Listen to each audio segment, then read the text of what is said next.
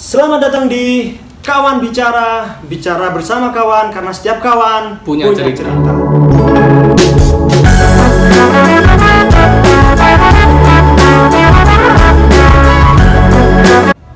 Kawan Bicara, kita akan membi- membicarakan hal-hal yang tidak penting, tapi ya udah dibicarakan aja daripada nggak ada apain. Jadi sekarang saya bersama kawan saya Ahmad Zainul Hasan, pelukis, desain grafis, dan kemarin dia barusan melaksanakan tunangan. Alhamdulillah. Alhamdulillah. Tukar cincin. Tukar cincin sebelum menuju pernikahan. Sebentar lagi dia akan menikah, kawan-kawan. Nah, Terus kamu kapan bro? Enggak, santai-santai. Hmm? Ada banyak pertanyaan yang akan saya lontarkan kepada anda. Anda jangan kepada oke. saya, oke? Jadi kamu nih bertahan di sini ya? Ya, Bukan aku ya? Mm-mm. karena anda yang akan menuju jenjang selanjutnya, Alright, alright. di mana anda akan berdamai dengan tangan anda sendiri. anda sudah tidak bersenang-senang dengan tangan anda sendiri menuju jenjang yang sakral itu. Oke, kita bakal ngomongin tentang pernikahan. Hmm. Kenapa menikah? Kenapa menikah? Ya kalau tanya kenapa menikah ya Ya sewajarnya manusia lah bro Sebagai Kawin. Hah? Kawin. Kawin apa nikah? Sewajarnya ma- manusia kawin atau nikah. Nikah kan Iya benar-benar kalau kalau sewajarnya manusia benar kawin sih Tapi Hmm. kalau seba- sewajarnya manusia umat Nabi. Muhammad umat Islam Woi. kita kan harus menikah sesuai itu dengan agama kita dong. Berarti Anda sange tapi pengen bersyariah gitu ya. Iya, sama saya semacam itu. Pengen Ya. ganti oli tapi ada jalan iya dong gitu. kan tuh halalan tuh Apakah cuma itu? Hah? Apa? Alasan kamu buat oke, aku nikah. ini serius apa nggak serius nih Terserah, terserah, terserah. Kalau nggak serius harus lucu, kalau nggak nggak lucu ya bangsat. Nggak serius, nggak lucu. jujur aku nggak tahu jawaban pastinya kenapa mungkin karena bertambahnya usia kita umur kita. Jadi Hmm. dorongan untuk menikah selalu ada. Umur berapa dikatakan orang pas untuk menikah? kalau cowok kan umumnya umur 28 25 ke atas lah. 25 kalau cewek kan 22 Anda? udah 25 dong. Sudah 25 sudah tidak Udah. bisa dikatakan kawin muda. Udah tidak kawin muda cita-cita Anda yang tidak tercapai. Oh bukan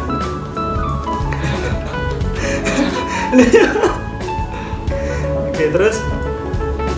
Apa-apa? Umur menurut Anda sendiri? Sebenarnya umur bukan jadi bukan patokan ya untuk orang nggak menikah atau siap menikah atau dikatakan wajar menikah. Hmm. tapi gimana kita kalau gimana kita siap enggaknya gitu? Siap secara mental. Pada saat apa Anda merasa bahwa oke saya siap menikah pada saat ya sekarang tentu bukan karena faktor sange oke. I know. Jujur itu juga termasuk. Oh, iya. jujur itu itu, itu, itu termasuk anjing. Oke. Semua orang pasti menikah ya. Kenapa? Anda Hah? mau wah sange. Ya itu manusiawi. Itu manusiawi. Ya, terus kenapa? Selain itu, selain faktor selangkangan, oke? Ada faktor lain? mungkin kalau aku tinggal di lingkungan kayak rumahan atau apartemen mungkin atau bukan lingkungan perkampungan di sini apalagi kita perkampungan Madura gitu Hmm. mungkin kayak aku memutuskan untuk menikah bakal agak lama gitu. Cuma kita, aku dan kamu juga kan tinggal di lingkungan perkampungan, lingkungan Ah. Madura. Yang Ya. pasti banyak banget sih kayak pertanyaan-pertanyaan mengganggu kayak kapan lu nikah, kapan kamu nikah gitu, kapan nikah, Entah nanti setelah udah nikah, kapan, punya anak, Nah, iya itu, udah punya anak, kapan meninggal anjing kan. Iya, iya.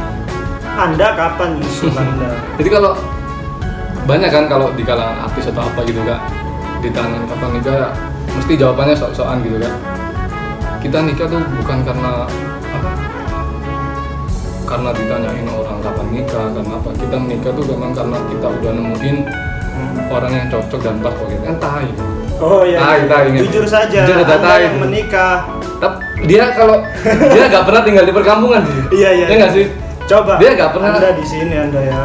Dia mau- merasakan bagaimana Hah? setiap acara keluarga setelah pressure ada pressure tekanan-tekanan itu ngerti nggak sih?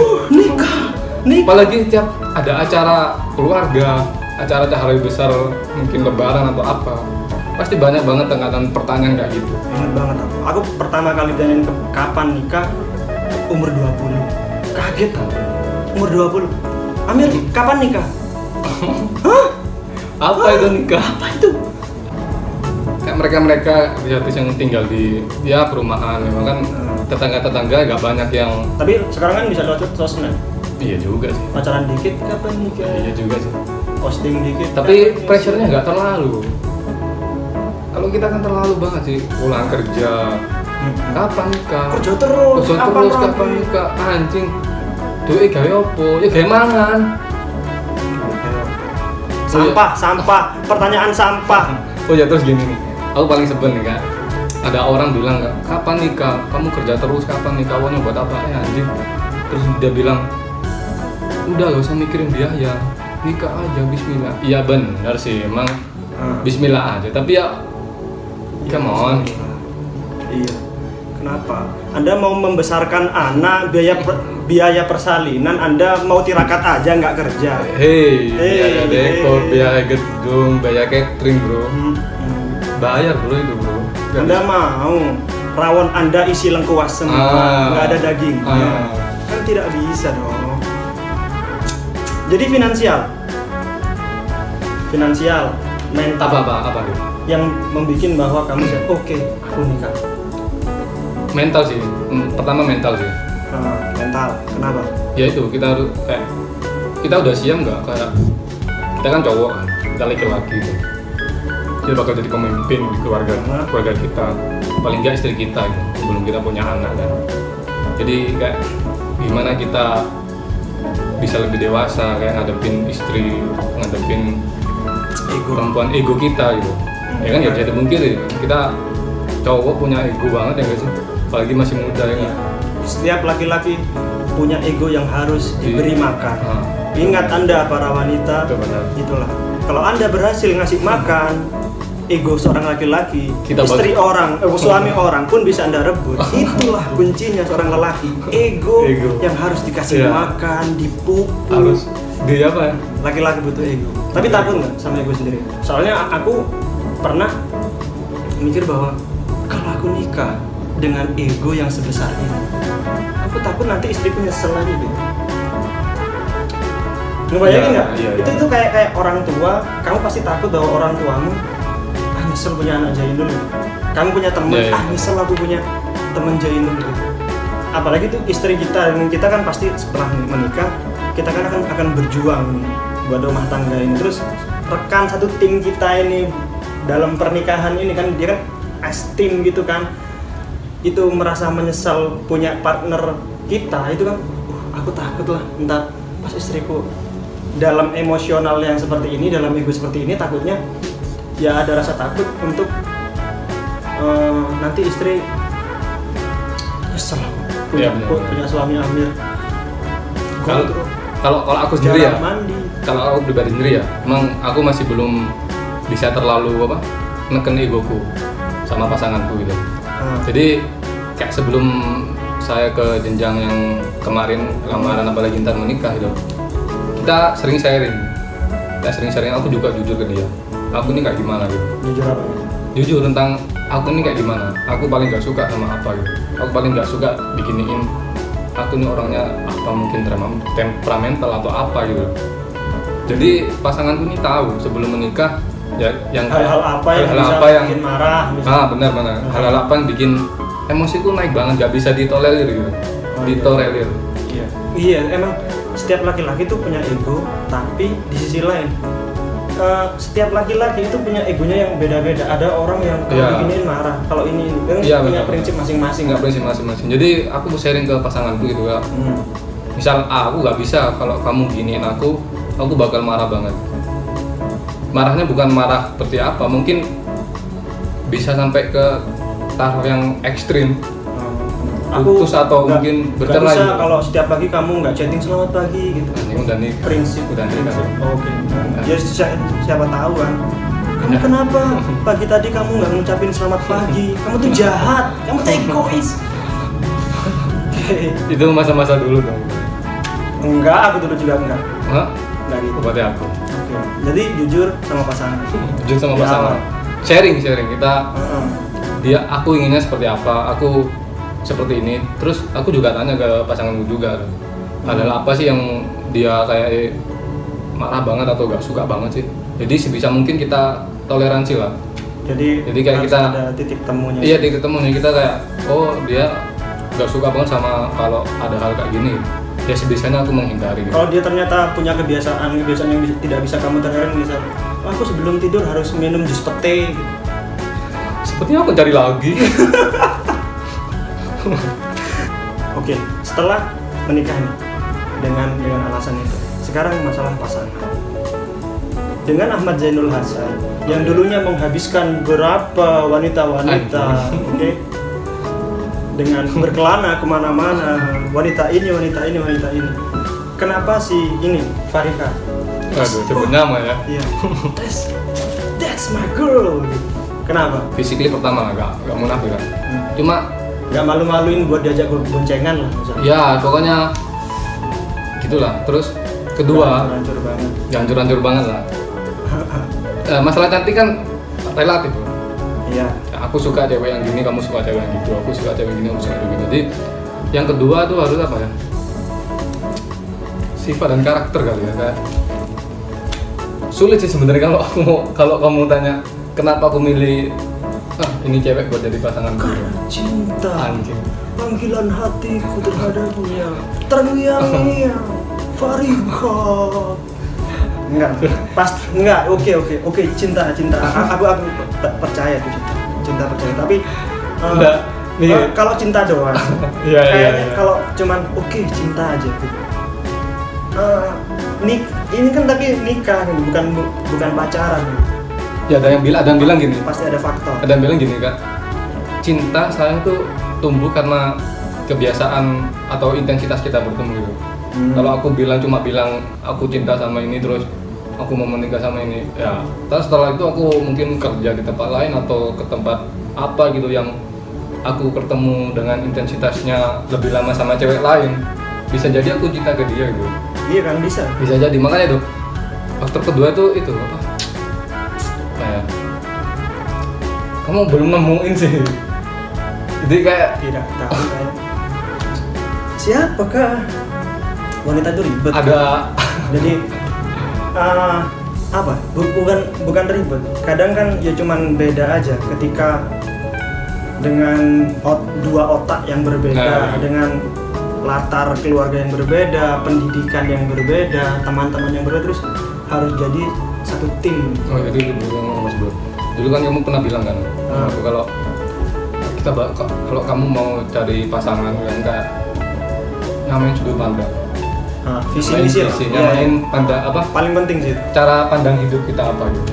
Hmm. enggak cara pandang cara kita memandang hidup kayak gimana gitu? Ngelihat uang, ya lihat uang lihat eh, kayak membangun apa keluarga impian terus apa gitu. Itu juga salah satu faktor sih. Kayak aku sama pasanganku beberapa hal kita sama kayak tujuan kita sama. Kayak cara kita mandang hidup sama gitu. Kayak tujuan kita impian kita itu beberapa sama emang ada sih yang beda sih. Beberapa ada yang beda. Kalau tuh kalau, kalau tapi pertanyaannya gini. Kalau tujuannya sama tapi jalannya kan jalan kan urusan Ah, selera. iya, kalau iya. beda gimana?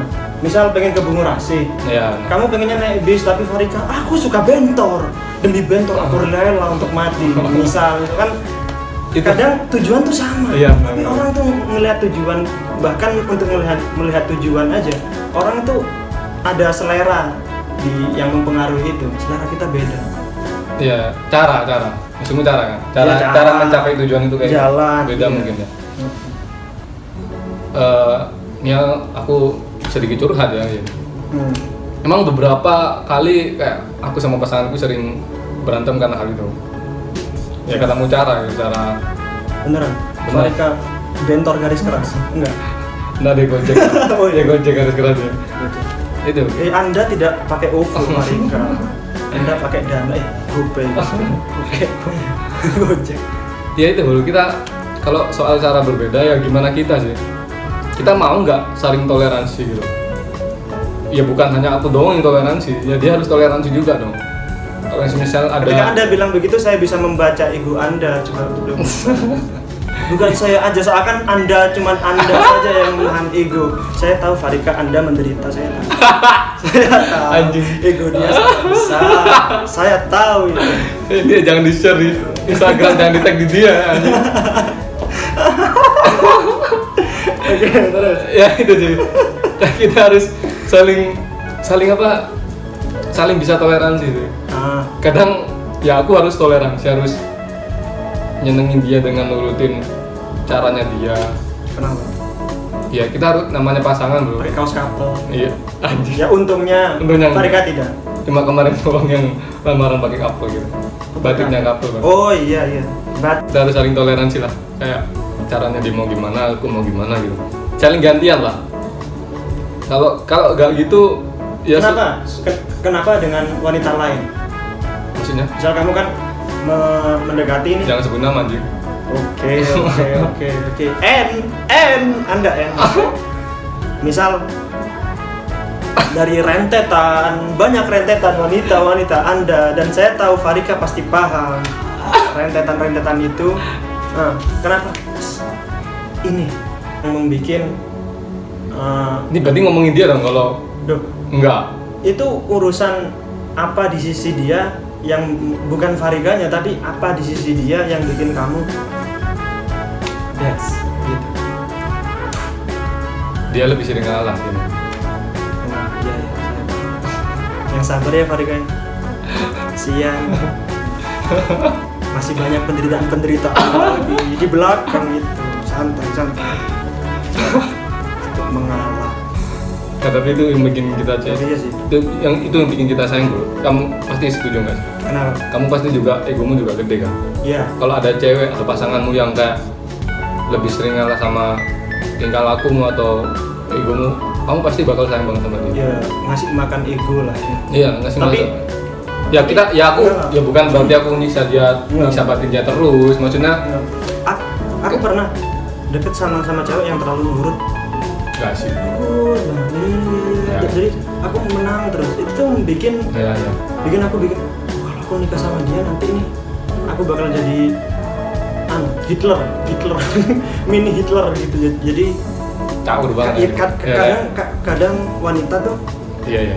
Ya nggak tahu ya ini aku kami berdua belum pernah menikah emang. Cuman Iya. dari kalau pacaran aja. Spekulasi aja. Nah, spekulasi kalau pacaran bahwa kalau ada cewek dia tuh ngelarangnya pas. Ngelarangnya tuh pas. Misal kayak aku berantakan kotor terus gimana. Dia tuh ngingetnya nggak? Oh misal kalah ngerokok. Ngerokok. Oke. Banyak wanita yang nggak suka cowoknya merokok. Oke.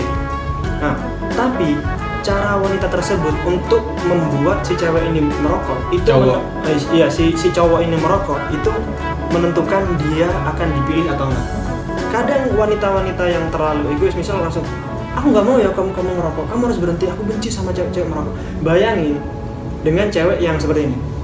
Eh, aku nggak suka kamu merokok aku nggak nggak suka asap rokok.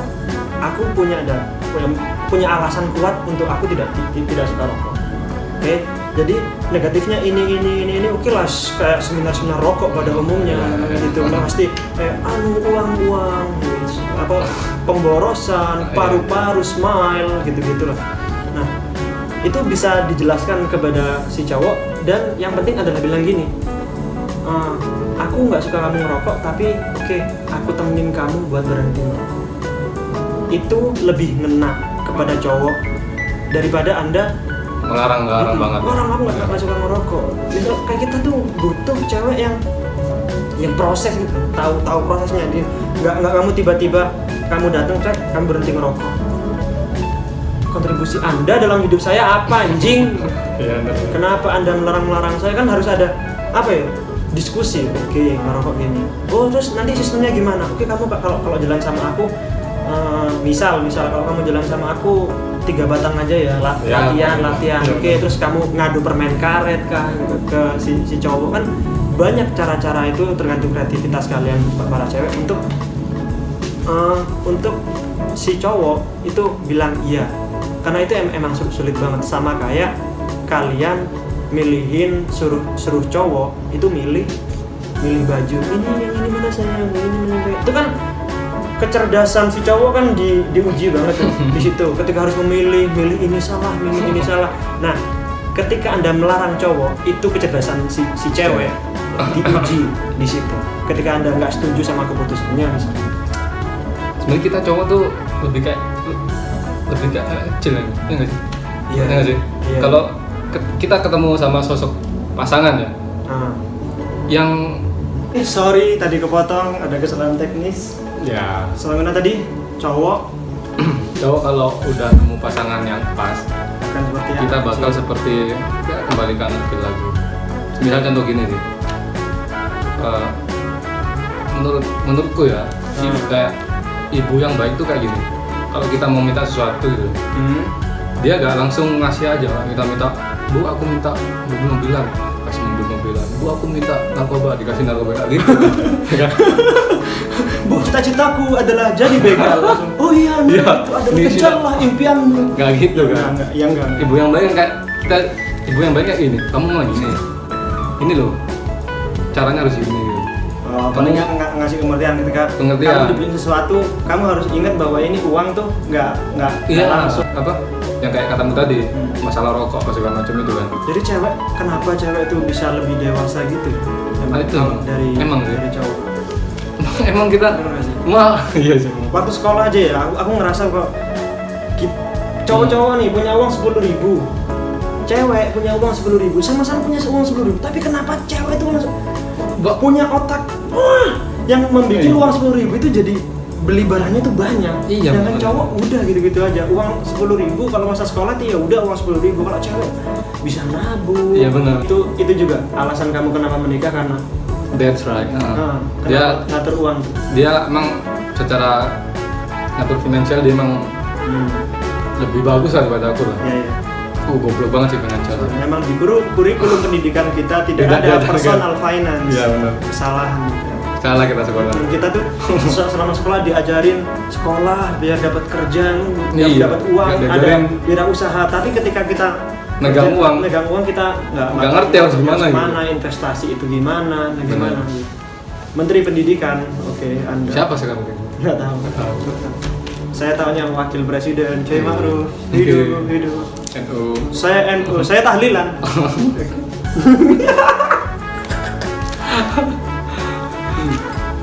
Nah, Oke, pertanyaan terakhir. Kebebasan adalah harga yang harus dibayar untuk sebuah pernikahan. Kebebasan kayak gimana? Ya pastilah nggak usah naif kayak orang. Kamu nggak apa? Kuliah sambil kerja sambil menikah sambil kamu jadi nelayan sambil kamu jadi menteri sambil kamu jadi pengecer ganja misal misal kayak kayak gitu kan apa ya?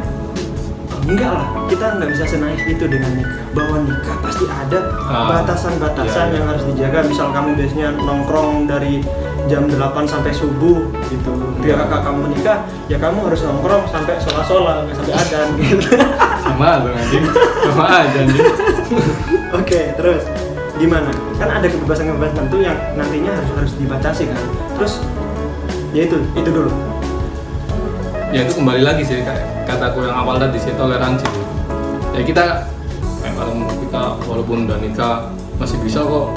Nah, sekolah lagi ya emang bisa sih. Ya bisa bisa. Kita masih bisa kok nongkrong nongkrong ya emang bisa sih. Rasanya pasti beda. Ketika Tapi, kamu, misal iya, kamu, benar. kamu kuliah sebelum menikah terus kamu nikah terus kuliah tuh pasti beda banget. Nggak bisa Nggak bisa nongkrong. Nongkrong nggak bisa. bisa deket sama cewek. Lah ya nggak bisa banget cuy. Bisa dong. Anda Bisa ingin dong. bem terus anda ingin menggebet junior Nggak junior bisa anda dong. sudah tidak bisa. Nggak bisa tuh ya itu itu se- sebenarnya itu sih yang paling harus disadari sebelum nikah Iya, bahwa kebebasan adalah harga yang harus dibayar untuk Iya. sebuah pernikahan seego apa pun kita Mm-mm. kita harus nyadarin itu sih nggak bisa nih jangan Kayak- seperti teman kita apa, Iya, iya. itu dia baru menyadari bahwa itu setelah menikah aku nanti setelah nikah masih bisa gini-gini tidak Nggak bisa, bisa. bangsat tidak bisa bangsat kebebasan adalah harga yang harus dibayar untuk sebuah pernikahan pasti ada nanti cekcok cekcok dulu sebelum keluar pasti, "Oh, pasti. gini." apalagi Bisa. ntar kalau udah punya anak Aduh. sebelum punya anak aja pasti ada gitu gitunya kenapa anda tidak menyadari itu di awal, sebelum anda sebelum nikah bangsat Oh, baru sadari itu. Apakah Anda sebelum menikah hanya fokus pada selangkangan? Oh. Itulah Anda sekarang diprank oleh hidup Anda sendiri. Kasihan, kasihan. Suami durhaka. Ya itu men, kita kalau udah memutuskan mau nikah tuh, kan kita harus siap segalanya sih kan. Soalnya gini sih, siapa sih yang yang nggak mau jadi super husband, Iya. jadi super dad gitu? Iya. Pasti setiap orang want to be like that gitu. Pasti orang pengen, wah seperti kita ketika Ada masanya, Kak. Uh, ketika ja- jadi anak, ya kita pengen jadi anak yang bisa dibanggakan. Apalagi suami, apalagi cowok, laki-laki itu pasti pengen pengakuan gitu. Benar. Oh dia tuh gini, dia tuh gini, dia tuh gini. Nah, ketika dia harus menikah, pasti semua cowok kecuali yang gila aja sih, yang Ya. yang cuman uh, nikah karena selangkangan. Iya. Dia pasti pasti kalau cowok pasti mikir ya aku pengen jadi super husband jadi suami Suami terbaik uh, lah, uh, ter- idaman Idaman apa segala macam.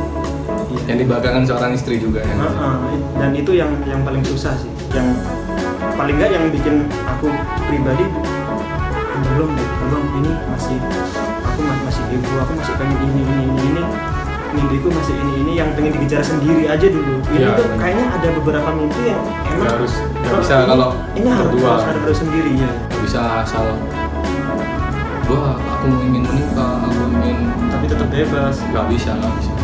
Harus ada toleransi, toleransi harus ada. Gus durian sekali anda toleransi toleransi.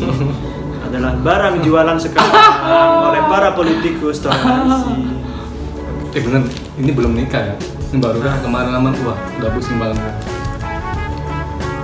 Udah pusing banget. Jadi kalau emang baru lamaran doang sih. Apalagi kalau kita nikah gitu. Kayak ini kan udah Dari lamaran. kan? perspektif dari se- cowok seperti kita cowok-cowok miss queen Miss Queen ya nggak sih? Ah. Iya nggak sih? Iya. Kayak kadang aku apa ya anjing tai banget sih kayak ada orang kayak kayak ada kayak ada orang bilang gitu udah nikah udah gak usah mikirin biaya nikah aja pasti ada ya benar sih rezeki pasti ada tapi ini nggak bisa dong kayak kita ah aku pasti ada nanti gak bakal mikirin aku gak bakal cari "Eh, pasti ada. Itu itu seperti kamu sange tapi kamu bagingan Tuhan gitu. Terus kamu ah nanti pasti dijamin oleh Tuhan. Iya tahu Iya. ya Tuhan pasti menjamin. Tapi kenapa? Usaha dong, Kenapa usaha Tuhan- dong. kamu yang sange kenapa saya yang harus tanggung biaya keluarga anda? Gitu gitu. Mungkin mungkin yang bilang gitu anu siapa? Mereka anu ya, ya alhamdulillah beruntung sih kalau emang kalian yang bisa dibilang itu anu sih apa itu termasuk rezeki juga sih. Kayak rezeki jodohnya diper diperlancar juga sih. Oh kayak kan nikah kan rezeki orang beda-beda tuh. Mungkin Oh, ada yang bisa. dari Dia- dia ada rezekinya dari orang tua rezekinya dipermudah gitu. Menikahi Musdalifah misalnya. Ya itu juga sih. Apa? Ya kan rezeki Iya. tapi rezeki kan ada musibah di belakangnya Nazarudin. Mantap. Mantap Nazarudin ya. kan tapi pa- pasti ada ini sih Eh, aku ba- baca riset bahwa 80% pernikahan eh 80% perceraian itu disebabkan oleh finansial Hmm. jadi bukan bukan kar- bukan ini sih bukan karena uangnya itu kurang bukan karena tidak berjuang tapi keduanya ini tidak bisa memanage uang tersebut jadi ego dari kedua bukan kadar pendapatan Oh. rendah atau besarnya. Kadang walaupun pendapatan dari kedua pasangan ini besar, tapi kalau uh, mereka uh, finansialnya kacau juga Hmm. juga bisa menimbulkan itu ya. Iya sih, makanya itu kita Masalah. sebenarnya sudut pandang kita ketika memilih pasangan itu juga penting ketika bagaimana dia melihat uang dan kita melihat uang itu seperti apa. Itu penting banget. Ya, untuk mempertahankan pernikahan. Seperti yang ada di novel-novel, cerita-cerita. Oh nggak pernah baca novel sih. Oh, iya. ya sudah, Eh, mungkin sampai sini dulu aja. Nanti kita bakalan ngobrolin hal-hal lain, oke? Oke, banyak hal. Nah, kalian yang lihat video ini nggak tahu ini nanti yang siapa, nggak tahu siapa yang tertarik dengan dua Orang nggak cowok penting. tidak penting, Belum terkenal, belum terkenal. Tapi, nah, nggak tahu, Nggak tahu saya terkenal apa enggak. nggak tahu. Tapi untuk untuk kalian yang mungkin tertarik dengan konten kita kalian bisa tinggalin di komen ya. Komen kita harus bahas apa aja. Bisin di komen nanti kita butuh saran kalian. Apa kamu nggak mau bilang like subscribe dan apa share? Nggak nggak terkenal ya? Please. Subscribe komen. Untuk satu juta subscriber pertama. Ah. soalnya subscriberku sama subscriber Atta Halilintar tuh udah beda tipis. Beda tipis. Subscriber Atta Halilintar berapa sekarang? 13 juta. Ya kan? beda. Subscriberku udah 7 tujuh tujuh apa? Itu tujuh. Literally tujuh. Oke. Sekian dari kami berdua. Semoga video ini ada manfaatnya. Dan kita doakan supaya Ahmad Zainul Hasan lancar diperlancar menuju jalan pernikahan dan pernikahannya semoga awet amin. sampai tiga tahun. Anjing. Anjing. Oh enggak enggak. Iya, iya. selamanya selamanya Farika mohon maaf. Mohon maaf. Ya, oke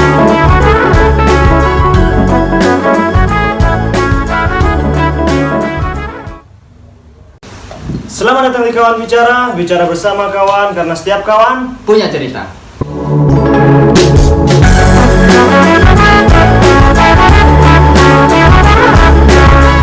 Sekarang saya sudah bersama kawan saya Mas Riki Aldi Saputra dari Gibah Bola Nasional. Apa itu Gibah Bola Nasional? Gibah Bolu Nugget? Tidak. Ini akan membahas tentang bola. Lebih lengkapnya mari kita tanya sama Mas Riki ini apa sih itu GBN Mas Riki?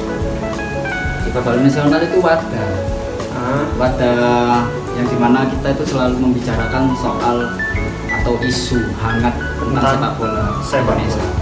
Enggak, bolanya bukan bola pingpong. Bukan sepak bola ya, Sepak bola. bola dari kaki kaki.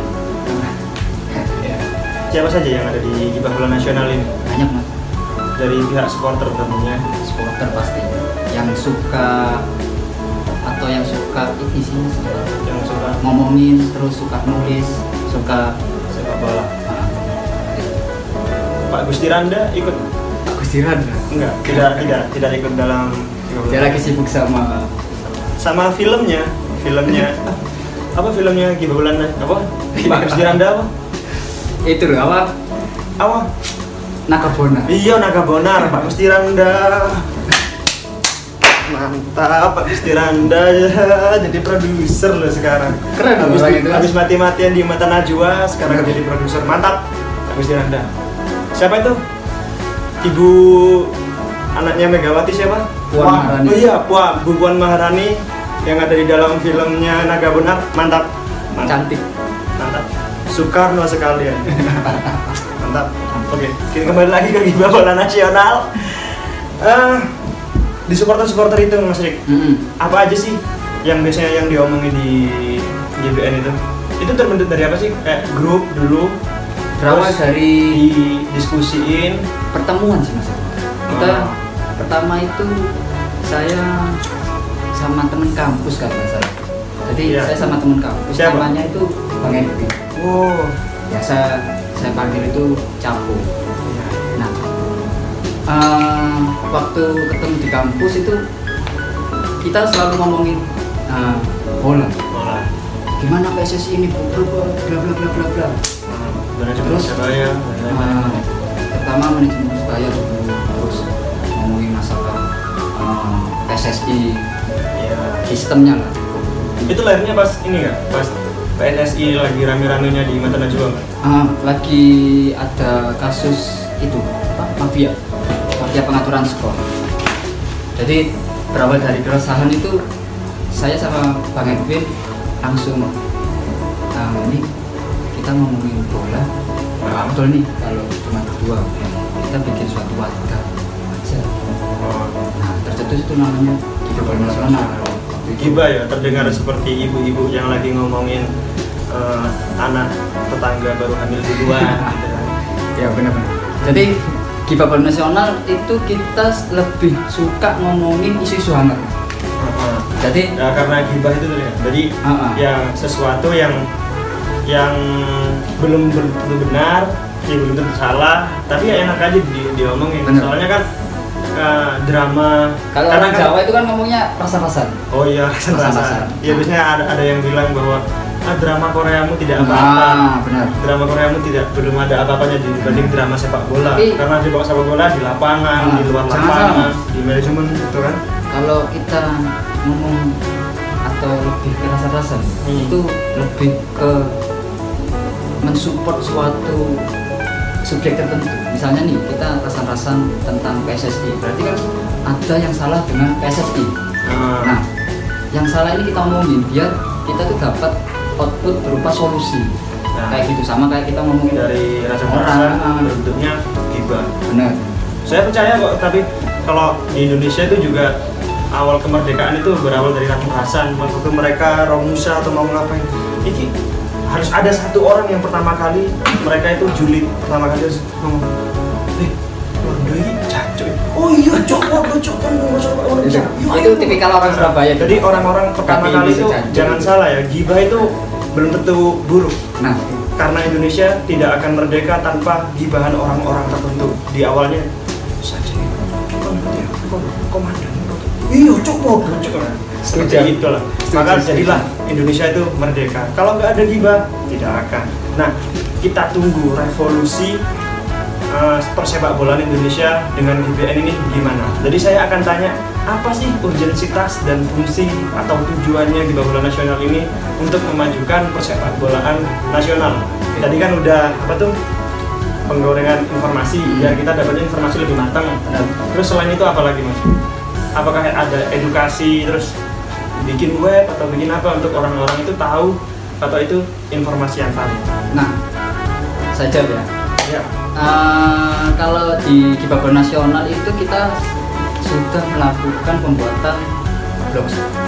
oh iya. Jadi di dalam blog itu oh bukan web? eh, karena dananya belum ada dong. Karena GBN Sama sih. tidak dibiayai pemerintah seperti PSSI tidak mungkin. Belum belum. Nggak apa belum sport dulu ya awal-awal saya tadi. perlu semangat. Kalau semisal ada teman-teman yang mau join, nah yang yang bisa bikin website Boleh, untuk mendukung persepak bolaan nasional kita silakan hubungi Mas Riki nanti saya taruh link Instagramnya di deskripsi. Nggak ada, nggak punya Instagram, oh enggak enggak apa Facebook? Nggak ada. Oh iya, dia komunikasinya masih pakai arca biasanya kan. Jadi karena kan dia tuh kalau mau Mas Riki tolong pelihara burung merpati dulu baru bisa nanti Ah. masuk GBN. Kalau Kibabon Nasional itu kita komunikasinya Lewat. lewat eh, grup WhatsApp. Hmm. sama uh, kita kan berawal dari keresahan nih Ya. jadi keresahan kita itu tentang sepak bola nasional kenapa sepak bola kita itu dalam hari ke hari atau selalu masih menjadi PR pekerjaan rumah Nah, jadi uh, banyak yang harus kita omongin. Uh, dari situ kita bisa terfokus untuk membuat suatu nasional. Contohnya isu-isu yang sekarang yang lagi hangat tau mas? Uh, Bali United Liga 1 Oh iya, beneran kan? 19. Apakah itu juara settingan apa tidak? Kita lihat aja nanti. Gimana gimana? Kalau menurut Mas Riki sendiri sih, melihatnya itu gimana? Ini belum tentu benar, tapi belum tentu salah. Namanya juga juga gibah. Ayo coba gimana analisisnya? Oh, ngomongin Bali United itu Fakta-fakta udah apa yang? benar-benar solid untuk menjadi juara. Ah, Nggak bisa dipungkiri lagi. Jadi mereka udah benar-benar mempunyai pelatih yang hebat. Ah, siapa pelatihnya? Pelatihnya Tipu, mantan dari pelatihnya Persija Jakarta. Tahun lalu juga 2018 juga membawa Persija juara. Oh, Sekarang oke. tahun 2019 membawa Bali United juara. Nah, terus? Nah, itu satu punya pelatih yang bagus. Hmm. Terus Kedua. eh, yang kedua punya eh, pemain-pemain yang handal dan profesional. Siapa contohnya? Contohnya yang paling saya suka itu ada strikernya timnas Ivan Fakdim. Oh, ada yang Mabadi. Itu saya ngefans juga sama. Ya pasti cewek-cewek di sini pasti suka itu 2010 ya. Sempat yang dengan goyangannya Irfan Bade. Terus yang paling saya suka juga dari kreator serangan atau serangannya Yang posisinya itu sebagai gelandang. siapa? Itu ada Paulo Sergio, Oh, saya tidak tahu. maestro.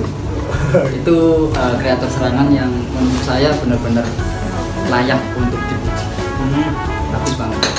Terus eh, yang dikata settingan itu yang yang gimana? yang dikata settingan itu ya karena dulu kan Bali United itu eh, salah satu klub uh, negeri Ajar oh, yang dari dia dulu kan Persisam. namanya Pusam Pusam eh, Eh bukan. Persisam Putra Samarinda Oh iya, dari sama Tenda terus PT-nya itu yang di Nah, kalau PT itu kan dia termasuk salah satu apa menjadi klub profesional karena yang kedua tadi kan punya eh, apa punya tim yang solid, yang ketiga dia punya supporter yang basisnya yang benar-benar gede yang selalu mensupport. Terus yang keempat dia juga udah eh, menjual United. Terus yang kata sampean tadi bilangnya settingan itu, itu gimana? A- Ada Ya, itu orang yang bilang karena eh, di Instagram itu Oh. ada salah satu akun katanya eh, dia bilang eh, berani sebut nggak? Ber- Berani nggak sebut? ah, kalau disebut mungkin jangan Oh karena iya. ini eh, ah, sebagai Ya udah nggak apa. Tadi, Sebagai- tadi a- akun-akun tersebut se- sebutlah sebut saja Mawar. sebut saya iya benar mau Iya, sebut saja si, si akun Mawar ini. Itu mengatakan gimana? Kok bisa analisis dia? Bagaimana kok bisa ngomong bahwa Bali United dalam settingan ini apa dalam juara ini kok settingan? Nah, ya karena eh, ya tau lah karena supporter. Dia kan si akun ini eh, kayak farming, farming dia ngepost eh, kayak tulisan juara settingan bla bla bla bla sudah ada. Nah, terus di kolom komentarnya itu juga banyak eh, teman-teman yang eh, asal komen, bla bla bla bla bla, itu kayak benar-benar. Nah, yang saya rasakan setelah membaca itu, mungkin teman-teman di sini kurang eh, literasi. ah, fungsi dari Jiba Bola sendiri itu ya? Nah, memperbanyak fungsi itu untuk kiper nasional kan ya memang menaungi atau kita menaungi yang di mana nanti output suatu pembahasan ini bisa tertulis dan bisa dituangkan dalam tulisan nanti dan akhirnya bisa di Nah, biar orang-orang gampang lah. Jadi kita kan biasanya kan Baca kalau gitu. mau lihat kan analisis ruwet-ruwet gini-gini ya udah ini loh. Ini analisis dari dua bola nasional bisa kalian baca. Hmm. Blogspotnya apa tadi?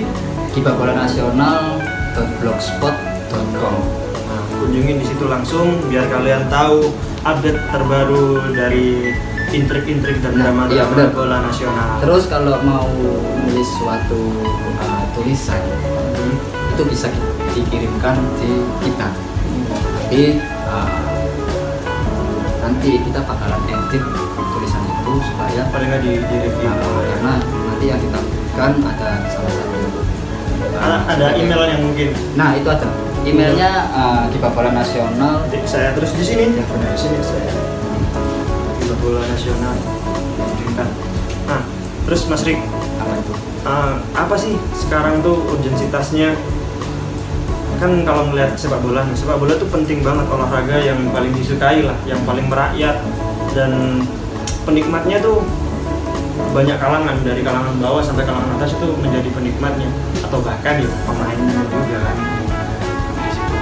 Nah melihat sepak bola sekarang di Indonesia nih skalanya kan nasional dulu nih itu apa sih yang harus dibenahi awalnya di sepak bola nasional? Kalau menurut saya pribadi untuk masalah timnas mau berprestasi atau tidak itu kembali lagi dari juniornya Oh, jadi pematangan Ah. dari dari anak dia anak muda itu ya, Nah, yang, jadi yang kita penting. itu menggenjotnya bukan di kompetisi, tapi lebih ke pembinaan usia dini. Jadi uh, kita lakukan seperti contoh halnya itu kayak sekolah sepak bola Iya. yang dimulai dari kecil. Nah, di situ kita udah dipelajarin untuk melakukan teknik dasar, Jadi, terus melakukan uh, komunikasi di dalam lapangan sama di luar lapangan. Terus dikasih uh, porsi bermain sepak bola itu seperti apa. Nah sehingga pemberdayaan di usia dini itu juga menjadi salah satu senjata kemudian hari. Itu juga investasi juga bagi orang-orang yang Ah. kan ada emang orang-orang yang melihat sepak bola itu ya bukan sebagai olahraga, ada yang melihat sebagai bisnis, ada yang melihat sebagai suatu apa ya hobi, ada yang melihat sebagai olahraga. Jadi orang-orang yang sebenarnya kalau orang yang mikir bisnis kalau dia mikirnya jauh juga akan benar-benar mencetak ini calon-calon pemain yang masih muda-muda ini kan harus di- dikembangkan kan ya. Jadi kalau orang tua punya cita-cita anaknya menjadi pemain sepak bola, ya, misalkan sejak dini sudah dipelajari cara uh, bermain sepak bola. Benar. Nah, tentunya Nah, uh, menyekolahkan tambahan di sekolah-sekolah itu ada lagi tuh. Hmm, saya tuh kan sering, sering lihat di Instagram Hmm. sosmed yang lainnya. Kalau ada yang juara atau bahkan ada yang menang Hmm. pasti ono. Wah kalau itu settingan wah kalau itu apa di manajemen itu ono sing ono sing apa di PSSI lah. Ah. wah kalau itu bapakmu tukang sayur untung aja kon. Aku cili untung kau ya kon juara? Untung aja kon bapakku tentara ada lah mesti gitu-gitu itu pasti ada apa settingan lah Hmm. apa wasitnya disogok apa nah itu tuh bener atau hanya emosional dari lawannya si juara untuk terlihat supaya cemen aja si juaranya itu seperti apa sih? itu kalau saya pribadi melihatnya lebih ke ini apa dia terlalu fanatik sama tim kebanggaannya Ya fanatik boleh tapi Ah. jangan buta-buta banget lah ya.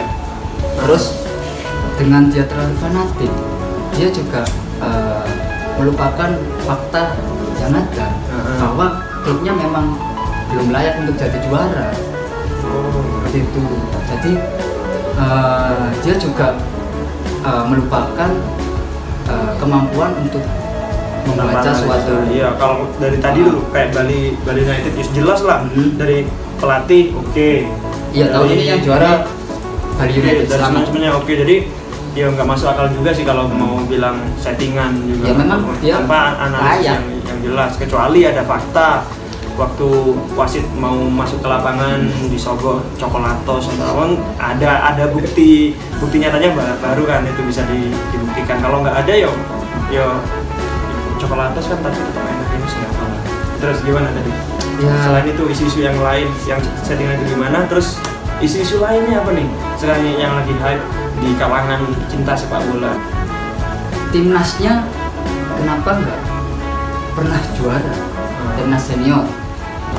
Nah, ya kembali lagi. Ya karena takdir. Oh, enggak tidak ya kembali lagi karena emang karena di liganya sendiri lebih fokus ke naga bonar oh enggak? Enggak. Cemana bulat kau Pak Gusti Randa? Uh. sudah bilang yang- jangan ber- berperang tapi timnas yang baik menurut saya itu karena kompetisi juga harus baik Iya, karena ya gimana lagi ngeliat kita ngambil ngambil pemain-pemain timnas ini ya dari kompetisi kan. Nah, kalau kompetisinya nggak baik ya gimana mau juara timnasnya Bukan timnas baik kalau wartawan baik kan. Bukan dong. itu omongannya Pak Edi Iya, Pak Edi. Cemana, Pak Edi cemana pula kau. Ini lagi Mas Riki kan. Hmm. Sekarang kan yang lagi hangat-hangatnya tuh Piala Dunia tuh. Hmm. Kita tuh uh, dari segi GBN deh, ngelihatnya tuh sepak bola tuh uh, Piala Dunia itu seperti apa sih?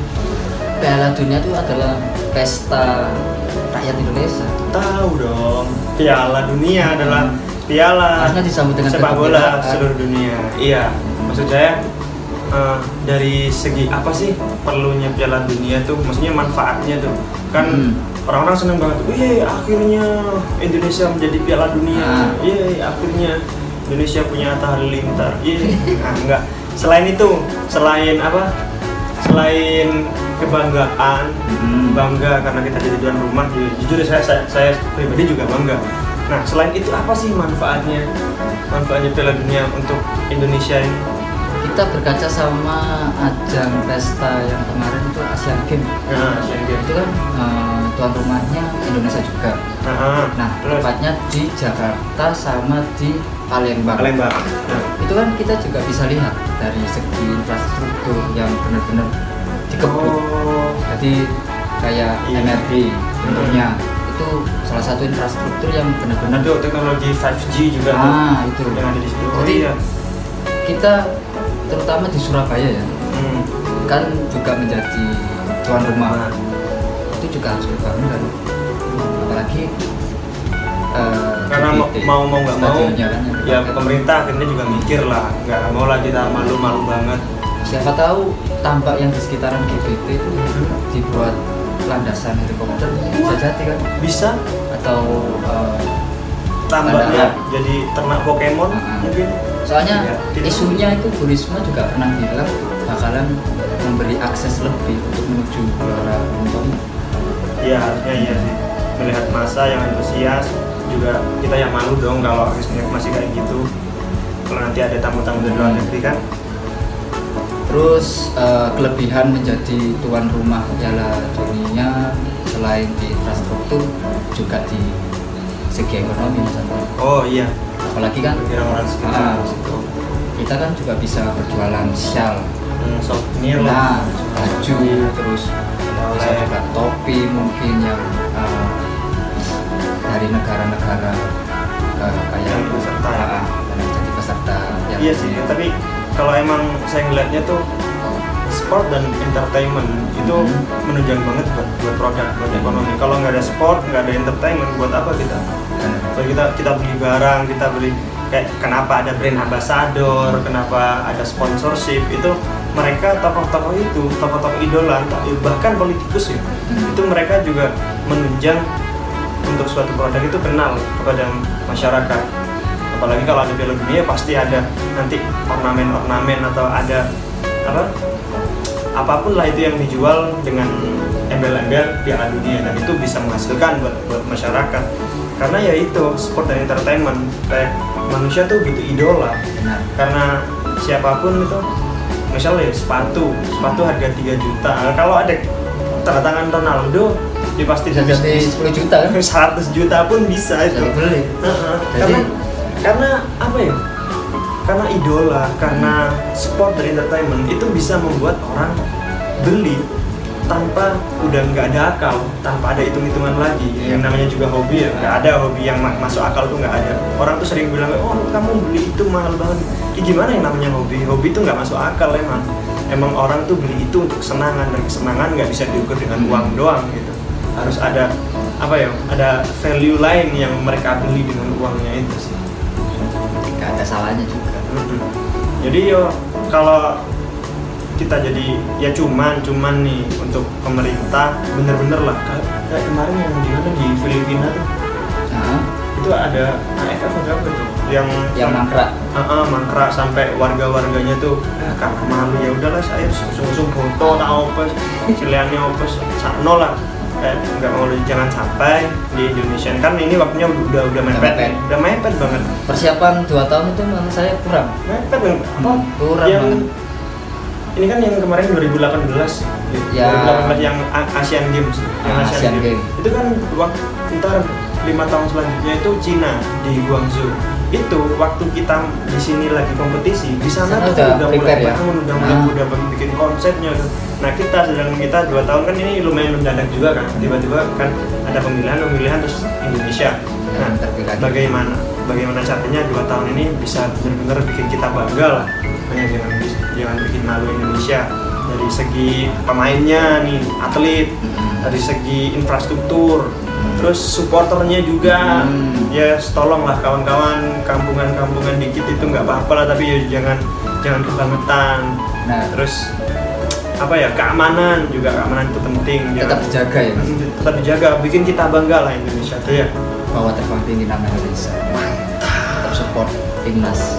support timnas mantap Terus eh, saya mau nambahin dikit tentang Piala Dunia eh, tahun 2021 yang 2021. ada dan Surabaya sebagai tuan rumahnya juga. nah Eh, dulu kita juga berkaca di Jakarta sama Palembang waktu Asian Games. Nah itu kan infrastruktur juga. Contohnya ada MRT maju. yang dibangun. Nah, Surabaya mungkin bisa dibangun. Iya karena angkutan umum di sini masih belum Nah.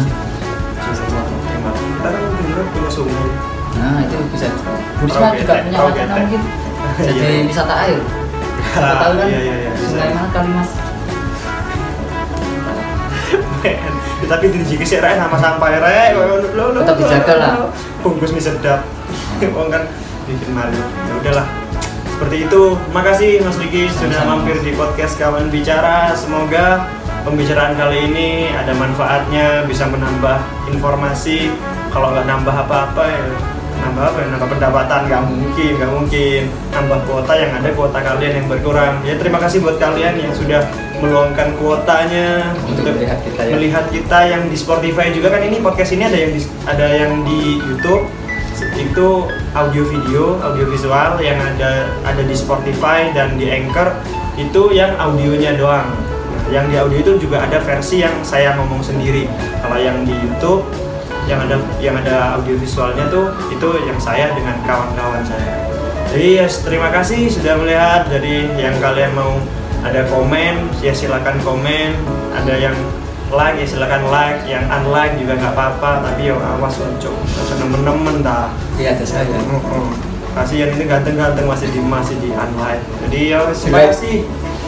Ah, selamat nanti bertemu lagi di podcast kawan bicara yang lain. Saya eh, ada satu pesan untuk teman-teman semua yang mendengarkan Ah. atau melihat Ah, tayangan kita ya. Apa? Merawat sepak bola Indonesia. Merawat sepak atau bola. mencintai sepak bola Indonesia meski musuh. mantap. Siapa kita? Kita Baru. siapa kita? Kawan bicara. Yombus kalau briefing briefing MLM siapa kita? Sukses. Sukses. Ya udah dadah ah, sampai bertemu di episode selanjutnya mantap Selamat datang di kawan bicara, bicara bersama kawan karena setiap kawan Punya cerita.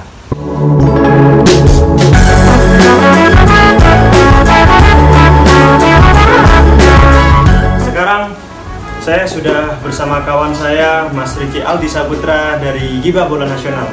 Apa itu Gibah Bola Nasional? Gibah Bolu Nugget? Tidak. Ini akan membahas tentang bola. Nah, tadi lengkapnya mari kita tanya sama Mas Riki ini apa sih itu GBN Mas Riki? Sepak bola nasional itu wadah. Ah, Wadah yang di mana kita itu selalu membicarakan soal atau isu hangat tentang Tentang sepak bola sepak Indonesia. bola. Enggak, bolanya bukan bola pingpong. Bukan sepak bola ya. Sepak bola. Bola dari kaki kaki. Siapa saja yang ada di Gibah Bola Nasional ini? banyak mas. Dari pihak supporter tentunya. supporter pasti yang suka atau yang suka ini sih suka yang suka ngomongin terus suka nulis suka sepak bola. ah, Pak Gusti Randa ikut? aku siran Enggak, tidak tidak tidak ikut dalam dia lagi sibuk sama sama filmnya, filmnya apa filmnya Gibah Bulan apa? Pak Gusti Randa apa? Itu loh apa Apa?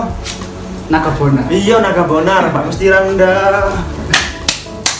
Mantap Pak Gusti Randa jadi produser loh sekarang. Keren habis, orang itu. habis mati-matian di mata Najwa, sekarang jadi produser. Mantap Pak Gusti Randa.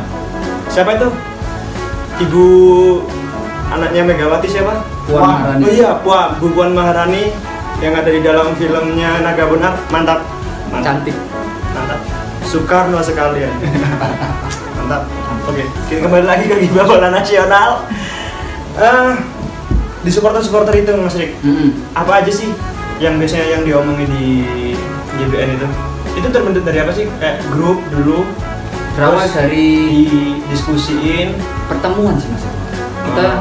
pertama itu saya sama temen kampus kan mas jadi Iya. saya sama temen kampus Siapa? namanya itu Edwin Oh, biasa saya panggil itu capo nah eh, waktu ketemu di kampus itu kita selalu ngomongin eh, bola Bola.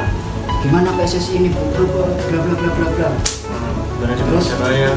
Nah, pertama manajemen dulu terus ngomongin masalah eh, PSSI Iya. sistemnya lah Itu lahirnya pas ini nggak? Pas PSSI lagi rame-ramenya di Mata Najwa? Ah, lagi ada kasus itu apa? Mafia. Mafia pengaturan skor. Jadi berawal dari keresahan itu saya sama bang Edwin langsung ah, ini kita ngomongin bola. Nggak betul nih kalau cuma berdua kita bikin suatu wadah aja. Oh, nah tercetus itu namanya Giba Bola Nasional Waktu itu. Giba ya terdengar seperti ibu-ibu yang lagi ngomongin eh, anak tetangga baru hamil duluan gitu kan. Ya benar-benar. Jadi Giba Bola Nasional itu kita lebih suka ngomongin isu-isu hangat. Jadi Ya, karena gibah itu ya. Jadi ah. ya sesuatu yang yang belum tentu benar, ya belum tentu salah, tapi ya enak aja di, diomongin. Bener. Soalnya kan drama kalau karena orang kan- Jawa itu kan ngomongnya rasa-rasan. Oh iya, rasa-rasa. Rasa-rasa. Ya biasanya ada ada yang bilang bahwa ah, drama Koreamu tidak apa-apa. Nah, benar. Drama Koreamu tidak belum ada apa-apanya dibanding drama sepak bola. Tapi- Karena di bawah sepak bola di lapangan, Ah, di luar lapangan, salah. di manajemen gitu kan. Kalau kita ngomong atau lebih ke rasa-rasan Hmm. itu lebih ke mensupport suatu subjek tertentu. Misalnya nih kita rasan-rasan tentang PSSI, berarti kan ada yang salah dengan PSSI. Nah, Nah, yang salah ini kita omongin biar kita tuh dapat output berupa solusi. Nah. Kayak gitu sama kayak kita ngomongin dari rasa orang. rasa bentuknya gibah. Benar. Saya percaya kok, tapi kalau di Indonesia itu juga awal kemerdekaan itu berawal dari rasan waktu mereka Romusa atau mau ngapain ini harus ada satu orang yang pertama kali mereka itu julid pertama kali harus ngomong oh iya cok. Kan masuk orang Itu. Iya, itu ayo." tipikal orang Surabaya. jadi orang-orang pertama kali itu jangan salah ya gibah itu belum tentu buruk. Nah, karena Indonesia tidak akan merdeka tanpa gibahan orang-orang tertentu. Di awalnya saja komandan. Iya cok. Mau cok. Seperti Setuju. itu lah. Maka jadilah Indonesia itu merdeka. Kalau nggak ada gibah tidak akan. Nah kita tunggu revolusi uh, persepak bolaan Indonesia dengan GBN ini gimana? Jadi saya akan tanya apa sih urgensitas dan fungsi atau tujuannya gibah bola nasional ini untuk memajukan persepak bolaan nasional? Tadi kan udah apa tuh penggorengan informasi biar kita dapatnya informasi lebih matang. Terus selain itu apa lagi mas? Apakah ada edukasi terus bikin web atau bikin apa untuk orang-orang itu tahu atau itu informasi yang valid? Nah saya jawab ya. ya Eh, kalau di Kibabon Nasional itu kita sudah melakukan pembuatan blog. oh iya. Jadi di dalam blog itu oh, bukan web? Eh, karena dananya belum ada dong. Karena GBN Sama sih. tidak dibiayai pemerintah seperti PSSI tidak mungkin. Belum belum. Nggak apa blogspot dulu ya lagi gratisan dulu. aduh semangat. Kalau semisal ada teman-teman yang mau join Nah, yang yang bisa bikin website Boleh, kan? untuk mendukung persepak bolaan nasional kita, silakan hubungi Mas Andi. Nanti saya taruh link Instagramnya di deskripsi. nggak ada nggak punya Instagram Oh enggak, enggak apa-apa. Facebook. nggak ada Facebook. Oh iya, dia komunikasinya masih pakai Arca biasanya kan. Jadi kawan-kawan dia tuh kalau mau hubungi Mas Riki tolong pelihara burung merpati dulu baru bisa nanti Ah. masuk GBN. Kalau di Kibabon Nasional itu kita komunikasinya Lewat. lewat eh, grup WhatsApp. Hmm. sama eh, kita kan berawal dari keresahan nih. Ya. jadi keresahan kita itu tentang sepak bola nasional. Kenapa sepak bola kita itu dalam hari ke hari atau selalu masih menjadi PR pekerjaan rumah. Nah, jadi eh, banyak yang harus kita omongin sebenarnya Eh, dari situ kita bisa terfokus untuk membuat suatu warga negara Contohnya isu-isu yang sekarang yang lagi hangat tau mas? Eh, Bali United Liga 1 Oh iya, beneran kan? Apakah itu juara settingan apa tidak? Kita lihat aja nanti. Gimana gimana? Kalau menurut Mas Riki sendiri sih, melihatnya itu gimana? Ini belum tentu benar, tapi belum tentu salah. Namanya juga juga gibah. Ayo coba gimana analisisnya? Eh, ngomongin Bali United itu Fakta-fakta udah apa ya? benar-benar solid untuk menjadi juara terus bisa dipungkiri lagi jadi mereka udah benar-benar mempunyai pelatih yang hebat ah, siapa pelatihnya? pelatihnya Tipu mantan dari pelatihnya Persija Jakarta tahun lalu juga 2018 juga membawa Persija juara Oh, sekarang oke. tahun 2019 membawa Bali United juara Nah terus? nah itu satu punya pelatih yang bagus Hmm. terus Kedua. eh, yang kedua punya eh, pemain-pemain yang handal dan profesional Siapa contohnya? contohnya yang paling saya suka itu ada strikernya timnas Ivan Bakdim Oh ada yang Badir. itu saya ngefans juga sama Ya pasti cewek-cewek di sini pasti suka itu 2010 ya. Sempat yang dengan goyangannya Irfan Badir. Terus yang paling saya suka juga dari kreator serangan sih. atau serangannya? yang posisinya itu sebagai gelandang. Siapa? Itu ada Paulo Sergio, Oh, saya tidak tahu. maestro. itu uh, kreator serangan yang menurut saya benar-benar layak untuk dipuji. Hmm. Bagus banget. saat dia- Terus eh, yang dikata settingan itu yang yang gimana? yang itu ya karena dulu kan Bali United itu uh, salah satu klub uh, negeri. Acara Nah, yang dari dia dulu kan namanya Pusam Pusam Pusam eh, Eh bukan. Persisam Putra Samarinda. Oh iya, dari Samarinda terus PT-nya itu yang di Nah, kalau PT itu kan dia termasuk salah satu eh, apa menjadi klub profesional karena yang kedua tadi kan punya eh, apa tim yang solid, yang ketiga dia punya supporter yang basisnya yang benar-benar gede yang selalu mensupport. Terus yang keempat dia juga udah eh, menjual ini. Terus yang kata sampean tadi bilangnya settingan itu, itu gimana? Ada Ya, itu orang yang karena eh, di Instagram itu Oh. ada salah satu akun katanya eh, dia bilang kalau eh, berani sebut nggak? Ber- Berani nggak sebut? ah, kalau disebut mungkin Oh karena iya. ini Ya udah nggak apa. Tadi jadi a- akun-akun tersebut se- sebutlah sebut saja Mawar. sebut saya iya benar mawar Iya, sebut saja si, si akun Mawar ini. Itu mengatakan gimana? Kok bisa analisis dia? Bagaimana kok bisa ngomong bahwa Bali United dalam settingan ini apa dalam juara ini kok settingan? nah ya karena eh, ya tau lah karena supporter dia kan si akun ini eh, kayak farming farming dia ngepost eh, kayak tulisan. Juara settingan bla bla bla bla.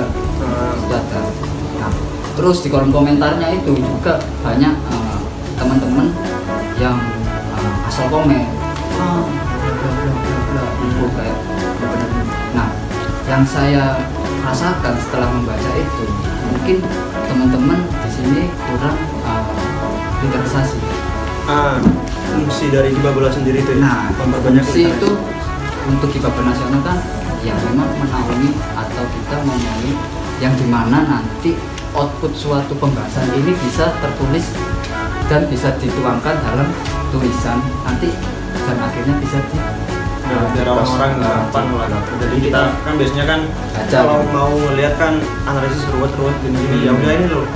Ini analisis dari dua bola nasional bisa kalian baca. Hmm. Blogspotnya apa tadi?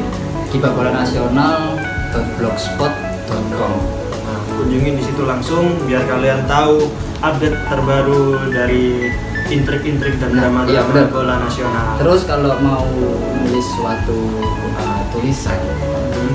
itu bisa ki- dikirimkan di kita tapi uh, nanti kita bakalan edit tulisan itu supaya paling nggak di, di review. uh, karena nanti yang kita butuhkan ada salah satu Ada, ada email yang mungkin nah itu ada emailnya uh, Kipa Bola Nasional saya terus di sini. Ya. Di sini saya.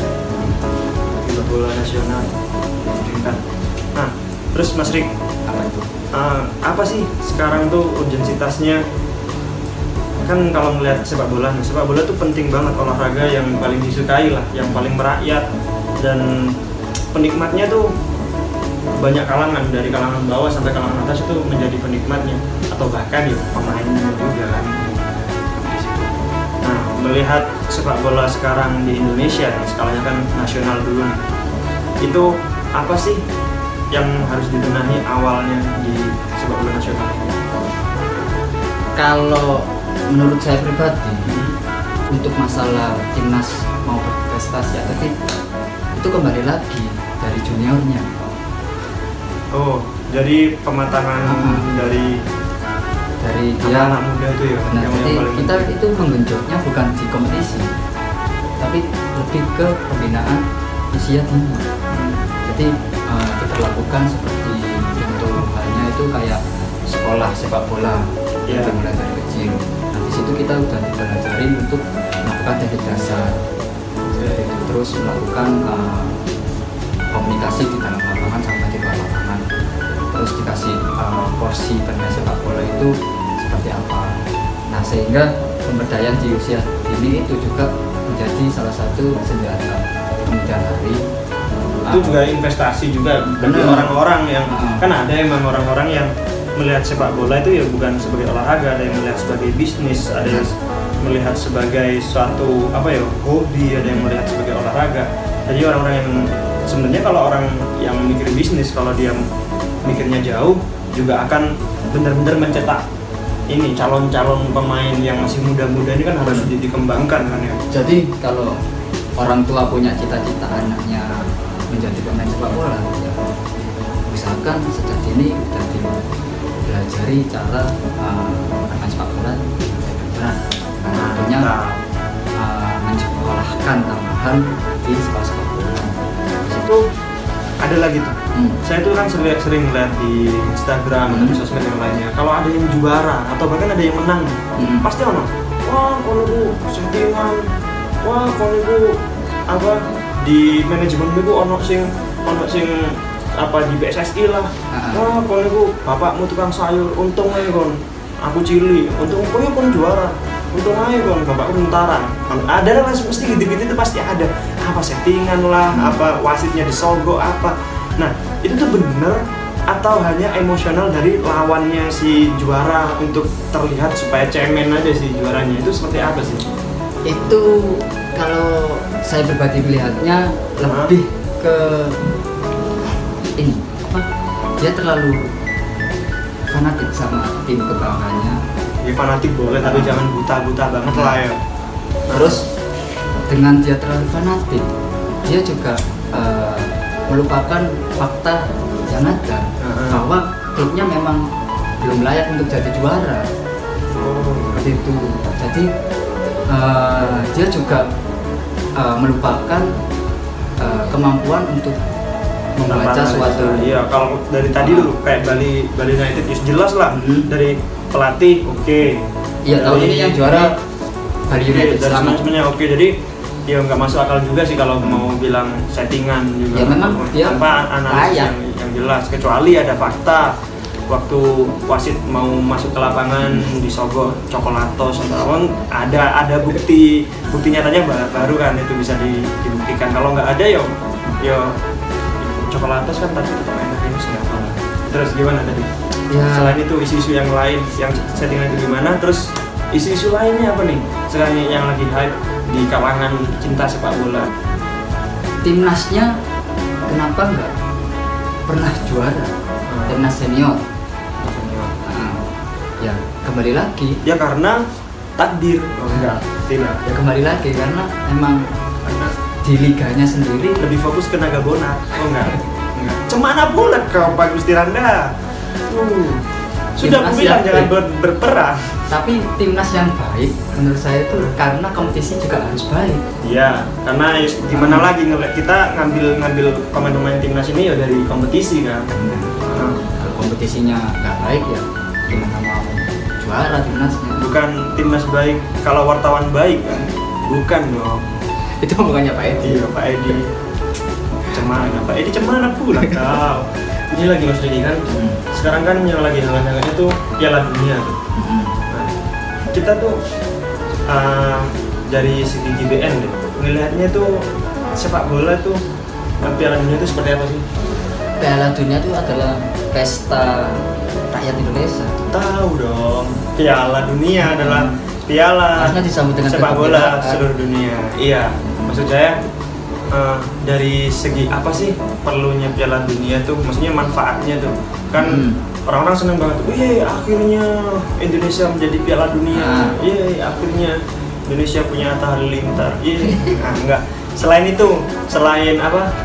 Selain kebanggaan, Hmm. bangga karena kita jadi tuan rumah ju- jujur saya, saya saya pribadi juga bangga nah selain itu apa sih manfaatnya manfaatnya Piala Dunia untuk Indonesia ini kita berkaca sama ajang pesta yang kemarin itu Asian Games. Nah Asian Games. itu kan eh, tuan rumahnya Indonesia juga. Nah, nah terus? tepatnya di Jakarta sama di Palembang. Palembang.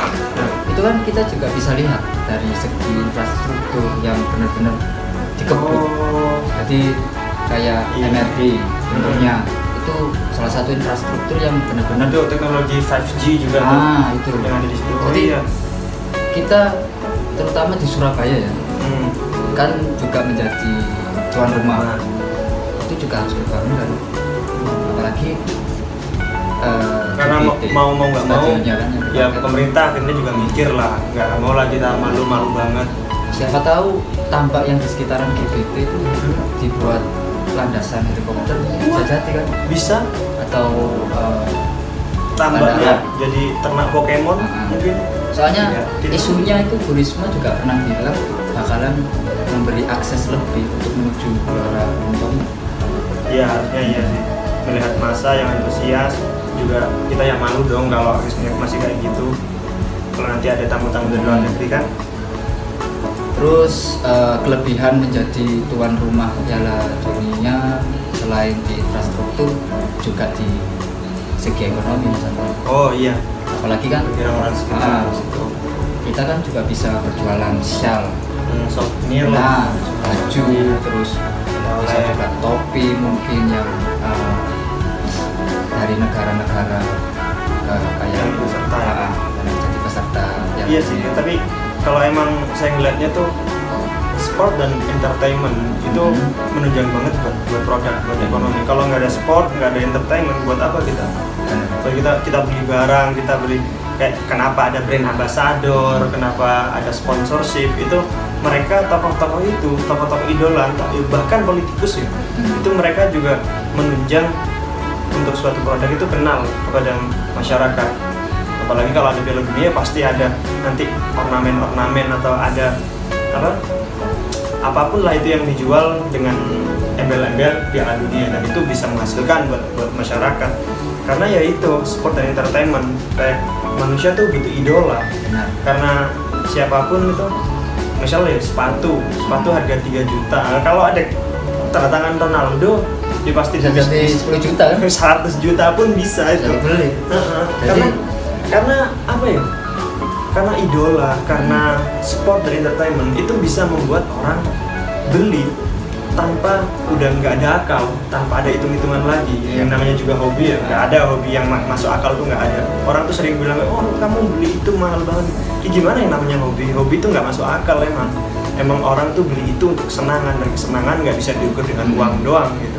Harus ada apa ya ada value lain yang mereka beli dengan uangnya itu sih. Gak ada salahnya juga. Jadi yo kalau kita jadi ya cuman cuman nih untuk pemerintah bener-bener lah. Kayak, kemarin yang di mana di Filipina tuh?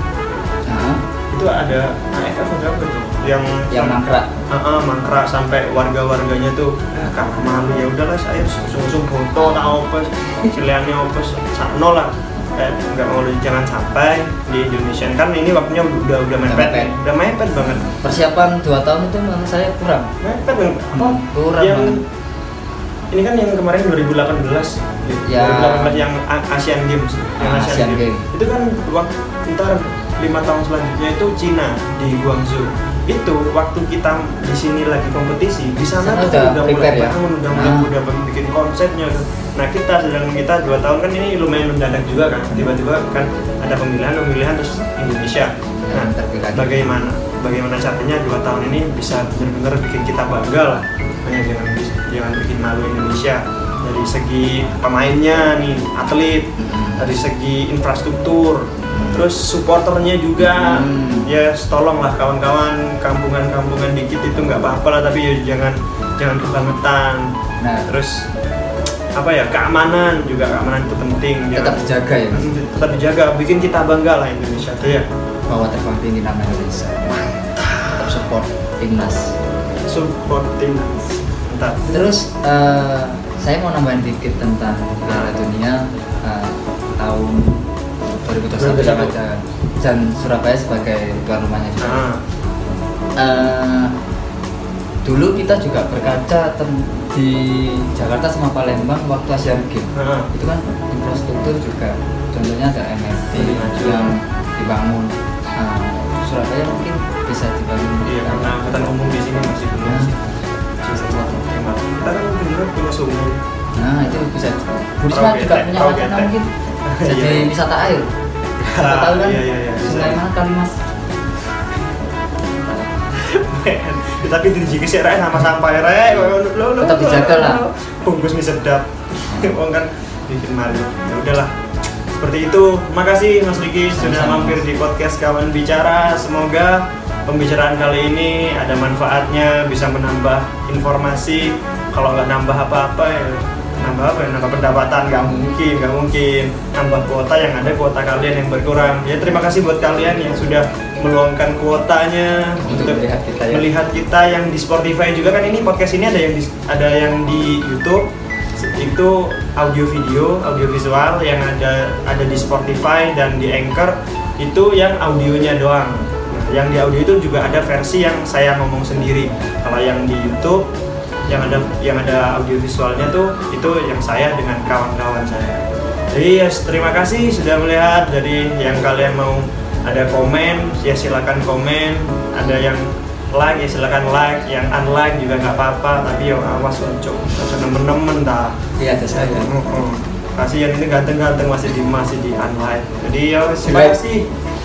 Ah selamat nanti bertemu lagi di podcast kawan bicara yang lain. Saya eh, ada satu pesan untuk teman-teman semua yang mendengarkan Ah. atau melihat Ah, rasa- tayangan kita ya. Apa? Merawat sepak bola Indonesia. Merawat sepak atau bola. mencintai sepak bola Indonesia meski musuh. mantap. Siapa kita? Kita. Baru. siapa kita? Kawan bicara. Yombus. Kalau briefing briefing MLM siapa kita? Sukses sukses.